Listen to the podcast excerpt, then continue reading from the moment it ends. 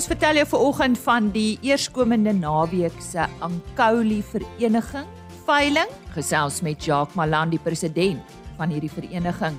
Die Oos-London hawe is weer oop vir familieuitvoere. Dr. Andre van der Vyver vertel ons daarvan. Johan van der Berg staan gereed met nuus oor ons weer. En dan gesels ons met Morney Botes van Southern Oil of Soil oor voedselolie pryse en die beskikbaarheid daarvan. Ons vind ook uit wat jy te wagte kan wees tot die einde van die jaar wat voedselolies betref. Goeiemôre. Hartlik welkom. My naam is Lise Roberts en jy is natuurlik ingeskakel vir RSG Landbou. Dis nou tyd om oor die weer te gesels. Ons kry nuus van heinde en verre dat dit reeds lekker nat is daar in die Wes-Kaap. Johan van der Berg, Miskien is dit nodig dat jy ons op hoogte bring van die nuutste weer nuus. Jy het voorspel dit gaan reën.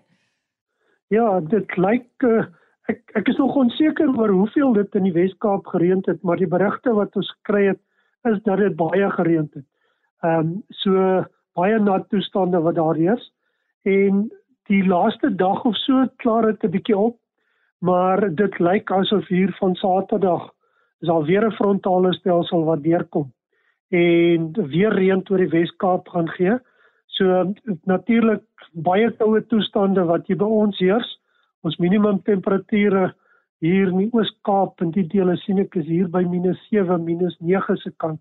So uiters koue toestande, maar hier teen Saterdag gaan dit vinnig draai met die volgende koue front wat deurkom en ons weet met 'n front die voorste gedeelte of uh voor die front is dit redelik warm toestande.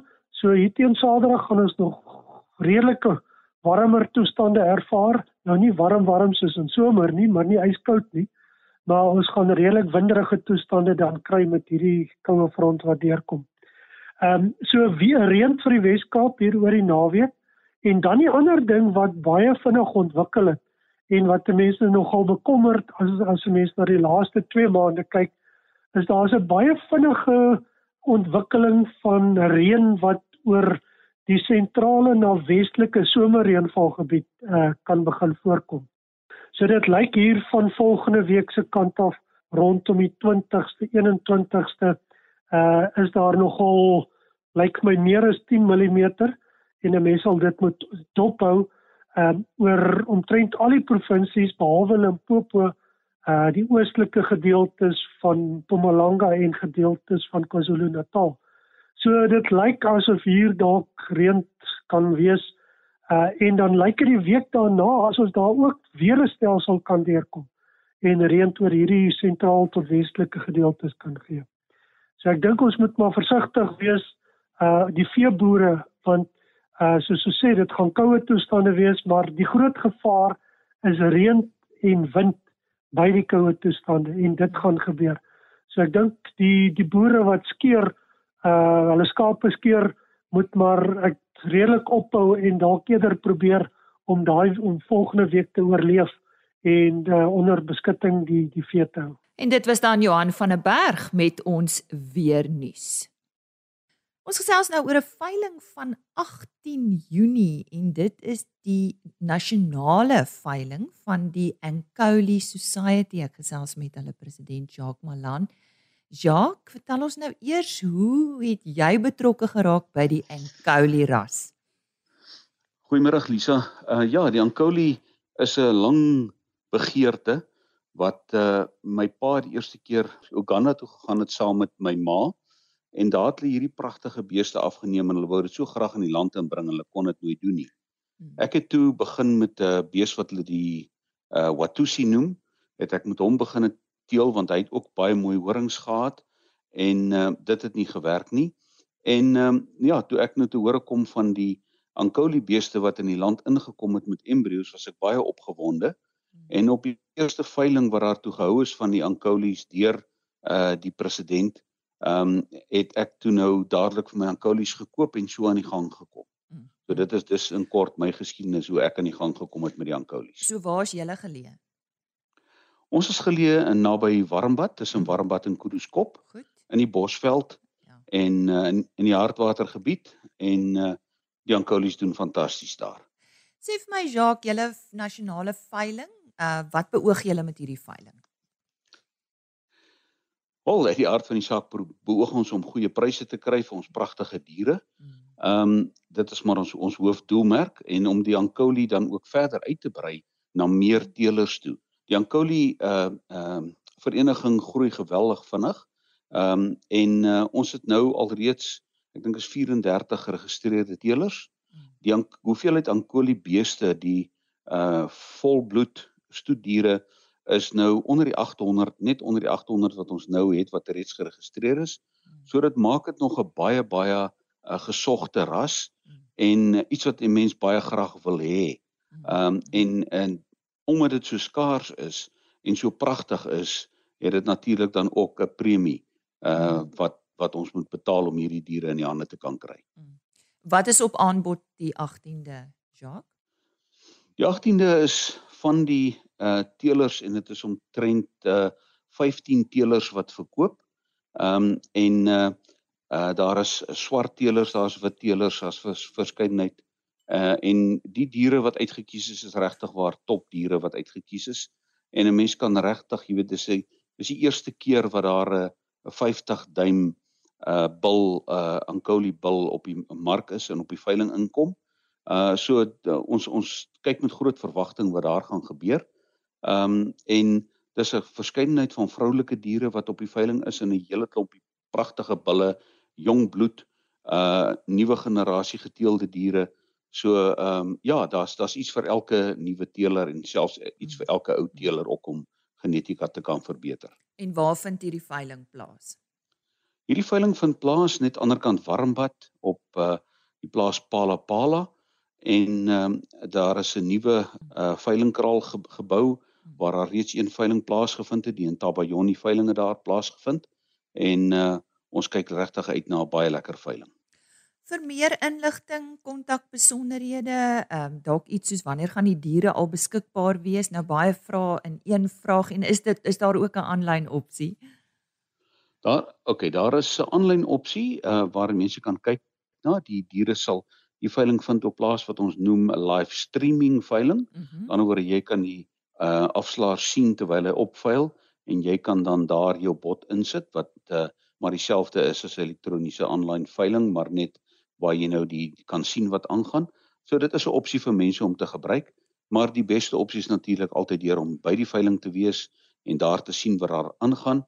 Ons gaan net van die halter mak diere uh wel op die veiling hê en in die uh uh om die Engels te gebruik die bullring inbring mm, mm. en uh Uh die ander diere het ons besluit as gevolg van die ehm um, back and claw situasie in die land mm. dat ons nie kanse wil vat om diere reg oor die land bymekaar te bring en dan daai diere te verkoop aan 'n nuwe koper en hy vat dan die diere wat dan in kontak was met 'n klomp verskillende diere mm. na sy uh, plaas toe nie want die ankoliese waarde is, so hoog mm. dat 'n mens wil hom nie net slag vir vleis nie. En dit is die rede hoekom ons dit gaan 'n uh, veiling wees wat uh, uh op katalogus gaan plaasvind. Goed. Is daar enigiets op julle webtuiste? Het julle webtuiste wat jy dalk met ons kan deel? Daar is 'n webtuiste, maar die maklikste om te gaan is hmm. laai net die veewinkel ehm uh, app, kom ons gebruik die Engels af. Ehm um, die toep ja, maar ek dink die mense gaan meer verstaan wat ek sê as ek die Engels gebruik. Maar nou ja, jy kan die toep aflaai, die ja. veewinkel toep. Goed. En dan op hom kan jy alles sien, al die diere is daarop, al die inligting van die diere is daarop en ook uh kontakte en nuus meer wat jy gaan nodig hê. Ja, so sê Jacques Malan, hy het gesels oor die nasionale Inkouli veiling wat op 18 Junie plaasvind. Dit is nou eerskomende Saterdag en soos hy gesê het, kyk maar gerus by veewinkel, daar is al die besonderhede. Die Oos-London se hawe sal vir die eerste keer in 10 jaar oop wees vir mielie uitvoere. Die laaste keer wat mielies vanuit hierdie hawe uitgevoer was, is in 2012. Dr. Andrei van der Vyver van die Suid-Afrikaanse Graan en Oliesade Verhandelingsvereniging het onlangs met joernaliste hieroor gesels. Hy gee agtergrond tot hierdie besluit. Well, let me first say thanks for this opportunity. Uh, our members are traders and they are always looking for additional trading opportunities and exports is a very important part of the trading environment. So although we are currently exporting big volumes through Durban, uh, the Durban port is saturated, and uh, we as traders are looking for other ports to complement the exports through Durban. The ex-London one is the next alternative. Yes. Uh, Durban has its uh, various uh, problems and uh, is fully booked until October of this year. Sure. But we knew that uh, even at the end of last year. So in November last year, my trading members asked me to exploit the opportunity of reopening the East London port. Uh, maize's production over the last 12 years have exceeded the demand for maize in South Africa, and the last two years has particularly been very good for the agricultural environment. And so there's uh, currently some surpluses available, and those surpluses can go only one way that's being exported, which is very good for the country. And we knew that uh, Durban will not be able to handle all the surpluses this year, and therefore, if Port of East London could open up, that will complement the existing export operations, and that will be very beneficial for the grain traders, for the rural environment, for the farmers, for everyone. Maar watter uitdagings staar hierdie hawe in die gesig? Well, it was uh, closed for 10 years, so all the equipment uh, had to be, well, certainly the agricultural grain export side, all the equipment had to be revamped, uh, made sure that it's operational, so that costed some money that uh, was invested by the port itself.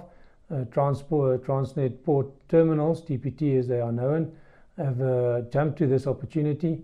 They've invested and made sure that the, the equipment is operational so it can handle the the uh, receipt of, of maize from the inland areas.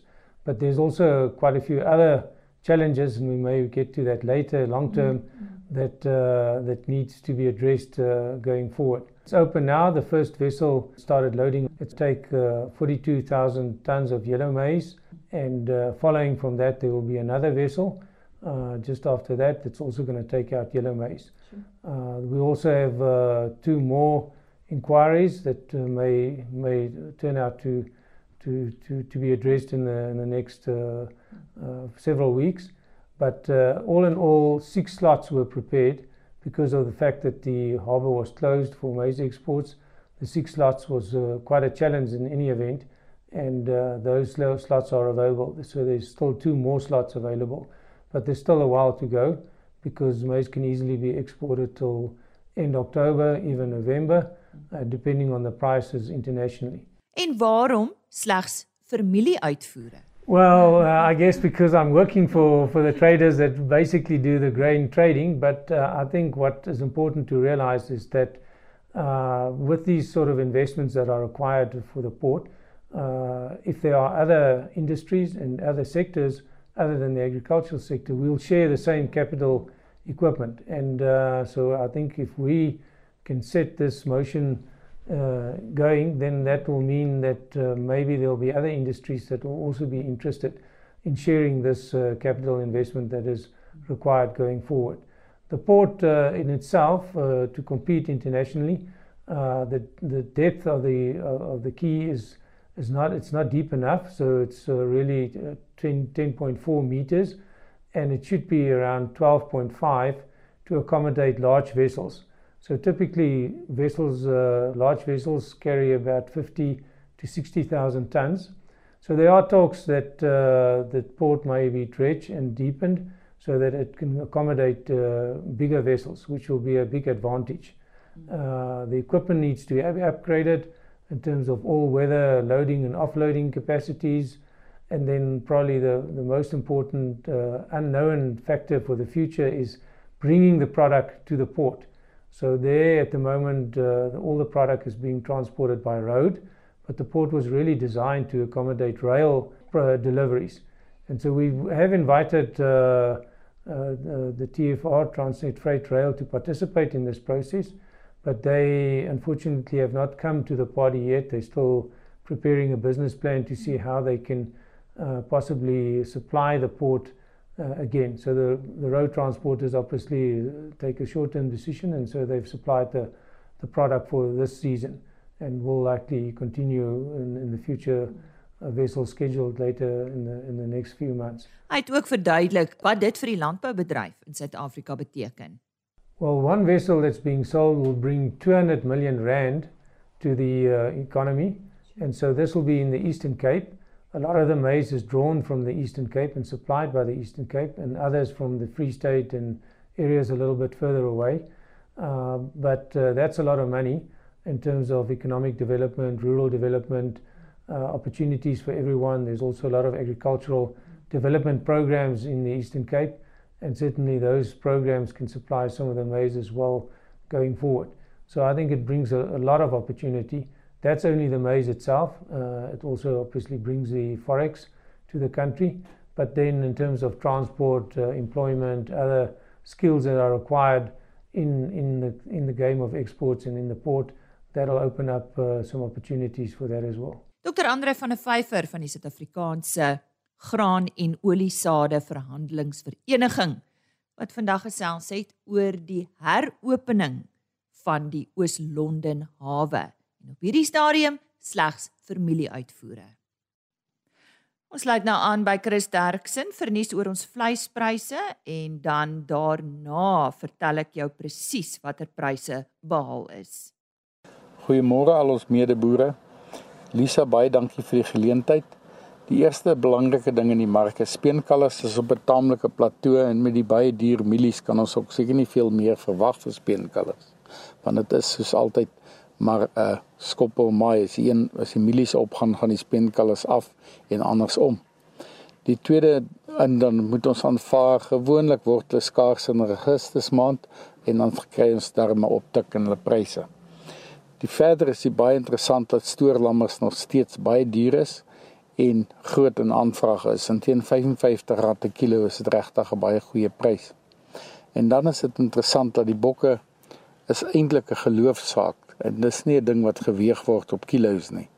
En daarom is bokke baie skaars en baie duur en ek voorsien dat ons oor tyd 'n baie groot mark vir bokke in die binneland gaan kry.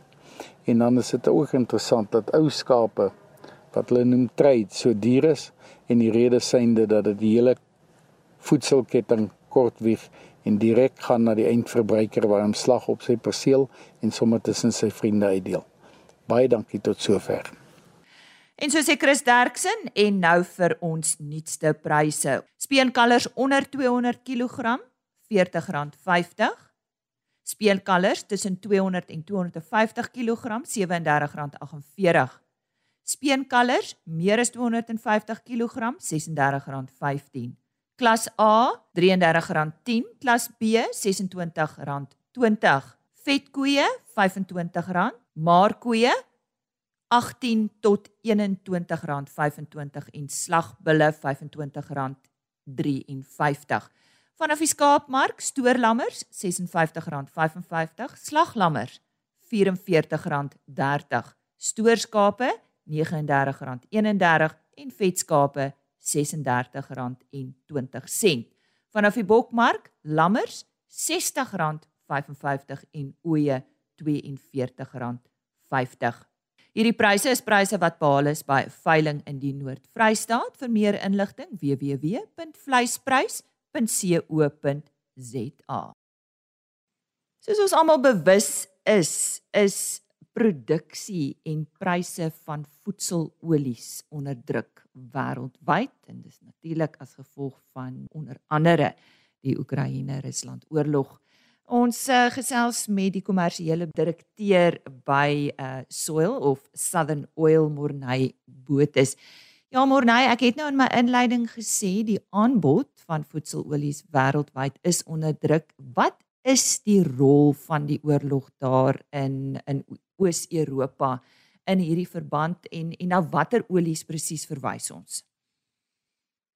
Goeiemôre. Ja, dankie, dankie vir die tyd. Ehm um, Ek dink dit is belangrik om te verstaan dat die die oorlog in Oekraïne het 'n het 'n wesenlike impak op ehm um, wêreld uh produksie van van olies veral as jy gaan kyk dat uh Oekraïne op sy eie is die grootste uitvoerder van sonneblomolie in die wêreld. Dit voer omtrent 70% van die van die wêreld se sonneblom uitvoere kom van Oekraïne af. En saam met dit is daar ook sonneblomolies wat uit Rusland uitkom en daai impak en vloei van daai olies wat nou na die res van die wêreld moet gaan uh plaas druk op die hele hele balans van verskaffing en aanbod. As ons nou maar kyk oor of gesels oor die prysverhogings, tot watter mate het dit verhoog? Wat belangrik is om te verstaan is die aanloop tot die, die hele oorlog. So ehm um, meeste van die van die olies is in is in 'n redelike balans met mekaar. Bedoelende as daar tekort aan die een is, dan kan die mark oorskuif na 'n ander ander sagte olie toe. En wat nou maar gebeur het so in to, in 2021, toe was daar baie swak oes op canola olie, raapsaad in uh Kanada. En dit het outomaties klaar die pryse van van die van die olie kompleks begin opstoot. Na die einde van 2021 was daar ook groot droogtes in die Amerikas en uh die suidelike Amerika is weer die grootste uitvoerder van sojabone en sojaboonolie en dit het nou weer daai kompleks opgestoot en toe het die hele mark nou verwag dat uh die oes van van sonneblom in Oekraïne gaan gaan die balans terugbring mm. en en die wêreldpryse 'n bietjie meer stabiliseer en toe die oorlog uitgebreek en en olie kon nie uitgaan nie. En dit het nou veroorsaak dat die klaar hoë basis wat begin in intree het in 2021 het toe maar net verder opgeskuif. So as ons moet kyk sonnebloemolie het op tyd 80% uh geklim. Ehm um, intussen het dit bietjie teruggetrek nou weer. Maar as jy gaan kyk nou net op 'n op 'n rak 2 liter olie gaan jy maar sukkel om onder uh 100 rand, 100 rand tot 120 rand op die rak te kry. Mm. Waar dit 'n jaar terug 60 rand was. Mm. Mm. Waar staan wêreldproduksie en verbruik van oliesade tans? So ehm um, dis ook redelik interessant om te verstaan dat as jy gaan kyk na ontwikkelende lande, dan is dit 'n goeie aanduiding van ontwikkeling is hulle hulle vet en olie verbruik. En uh heidaglik wat gebeur nou is dat die die produksie en die verbruik is basies in balans. So dis so 203 miljoen ton ehm um, olie is wat nou wêreldwyd uh in die mark is en dit het relatief stabiel gebly jaar op jaar wat wat net aanwys dat die die prysvlakke beïnvloed die die verbruik en die groei daarvan.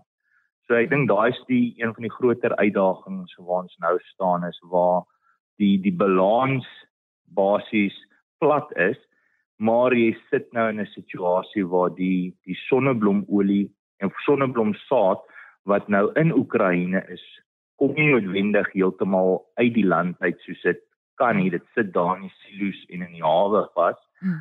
En dis deel van hierdie balans. En saam met dit ook die in Indonesië was daar 'n palm uh verband op uitvoere gewees en daar ook sit 'n klomp olie in die land vas. So dit sê die balans wêreldwyd is plat, maar daar's 'n klomp olie wat nie in die mark inkom.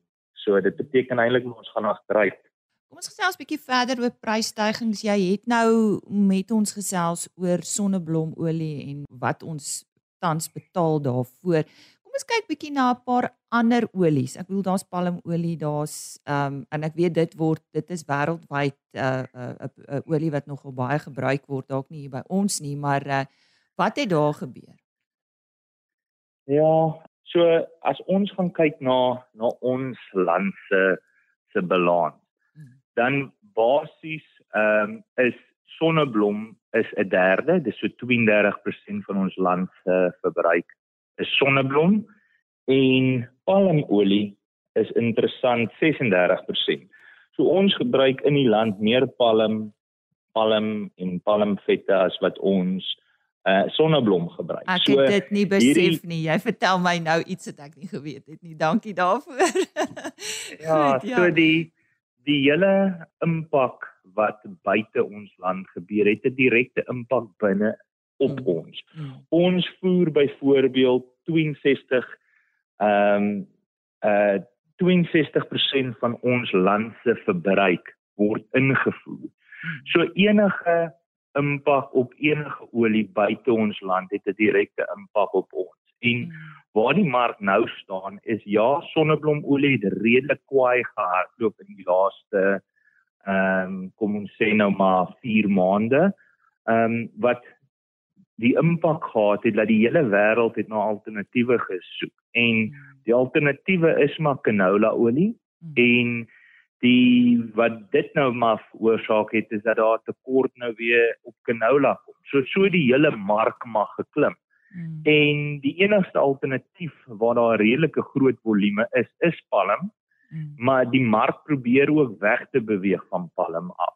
En dit veroorsaak nou maar net 'n redelike ongemaklike situasie waar die hele hmm. kompleks styg en op die einde is maar die verbruiker wat wat die prys betaal. Ja ja, ek ons kom nog by die verbruiker. Hoe lyk die toekoms voor ons gesels oor wat die verbruiker kan verwag tot die einde van die jaar? Wat voorsien julle wêreldwyd produksie en uh prysstygings betref Morney? Ek dink die laaste 2 maande het die pryse redelik gestabiliseer. So die die aanvraag en aanbod ehm uh, het het mooi uh bymekaar gekom en die ek dink die hele wêreld wag nou maar vir uh vir September Oktober wanneer dit die Europese oes is op sonneblom en canola mm. om te sien hoe dit gaan lyk. Mm. As daar 'n goeie oes is, dan kan daar 'n bietjie verligting kom na na die mark toe en die verbruiker. Hmm. Maar daar's nog nog 'n paar maande wat tussen kan gebeur waar enigiets kan gebeur. So enige weerstoestande wat die wat die oes beïnvloed kan 'n negatiewe impak op ons hê. Hmm, hmm. Ek dink die belangrike ding is maar eintlik om om gereed te maak dat ons gaan nie somme vinnig weer by die prysvlakke wees van 2021 nie. En die vlakke waar dit nou is behoort uh te stabiliseer en dan mag dalk 'n klein bietjie verligting kom hierdie jaar. Ehm uh, maar die die groter verligting sal eers kom na middelende volgende jaar. So wat sê jy vir die verbruiker? Wat moet hulle doen? Moet hulle olie koop? ja, ek dink die soos ek sê die die prysvlakke waar wat jy nou gaan sien in die winkels is maar waar dit gaan bly. Hmm. Ehm um, die I mean jy I mean sal nou sien die kleinhandelaars is ook 'n bietjie onseker mm. uh waar die mark gaan. So daar's baie minder promosies wat wat hardloop op die olies weens die onsekerheid. Mm. Meeste van die in die hele ketting probeer almal maar ehm um, prysvlakke so stabiel te hou as moontlik. Ons probeer die ehm um, mens moet nou maar daai spikes ehm um, probeer mense te vermy dat dat die dit nie die verbruiker so erg slaan nie. Mm.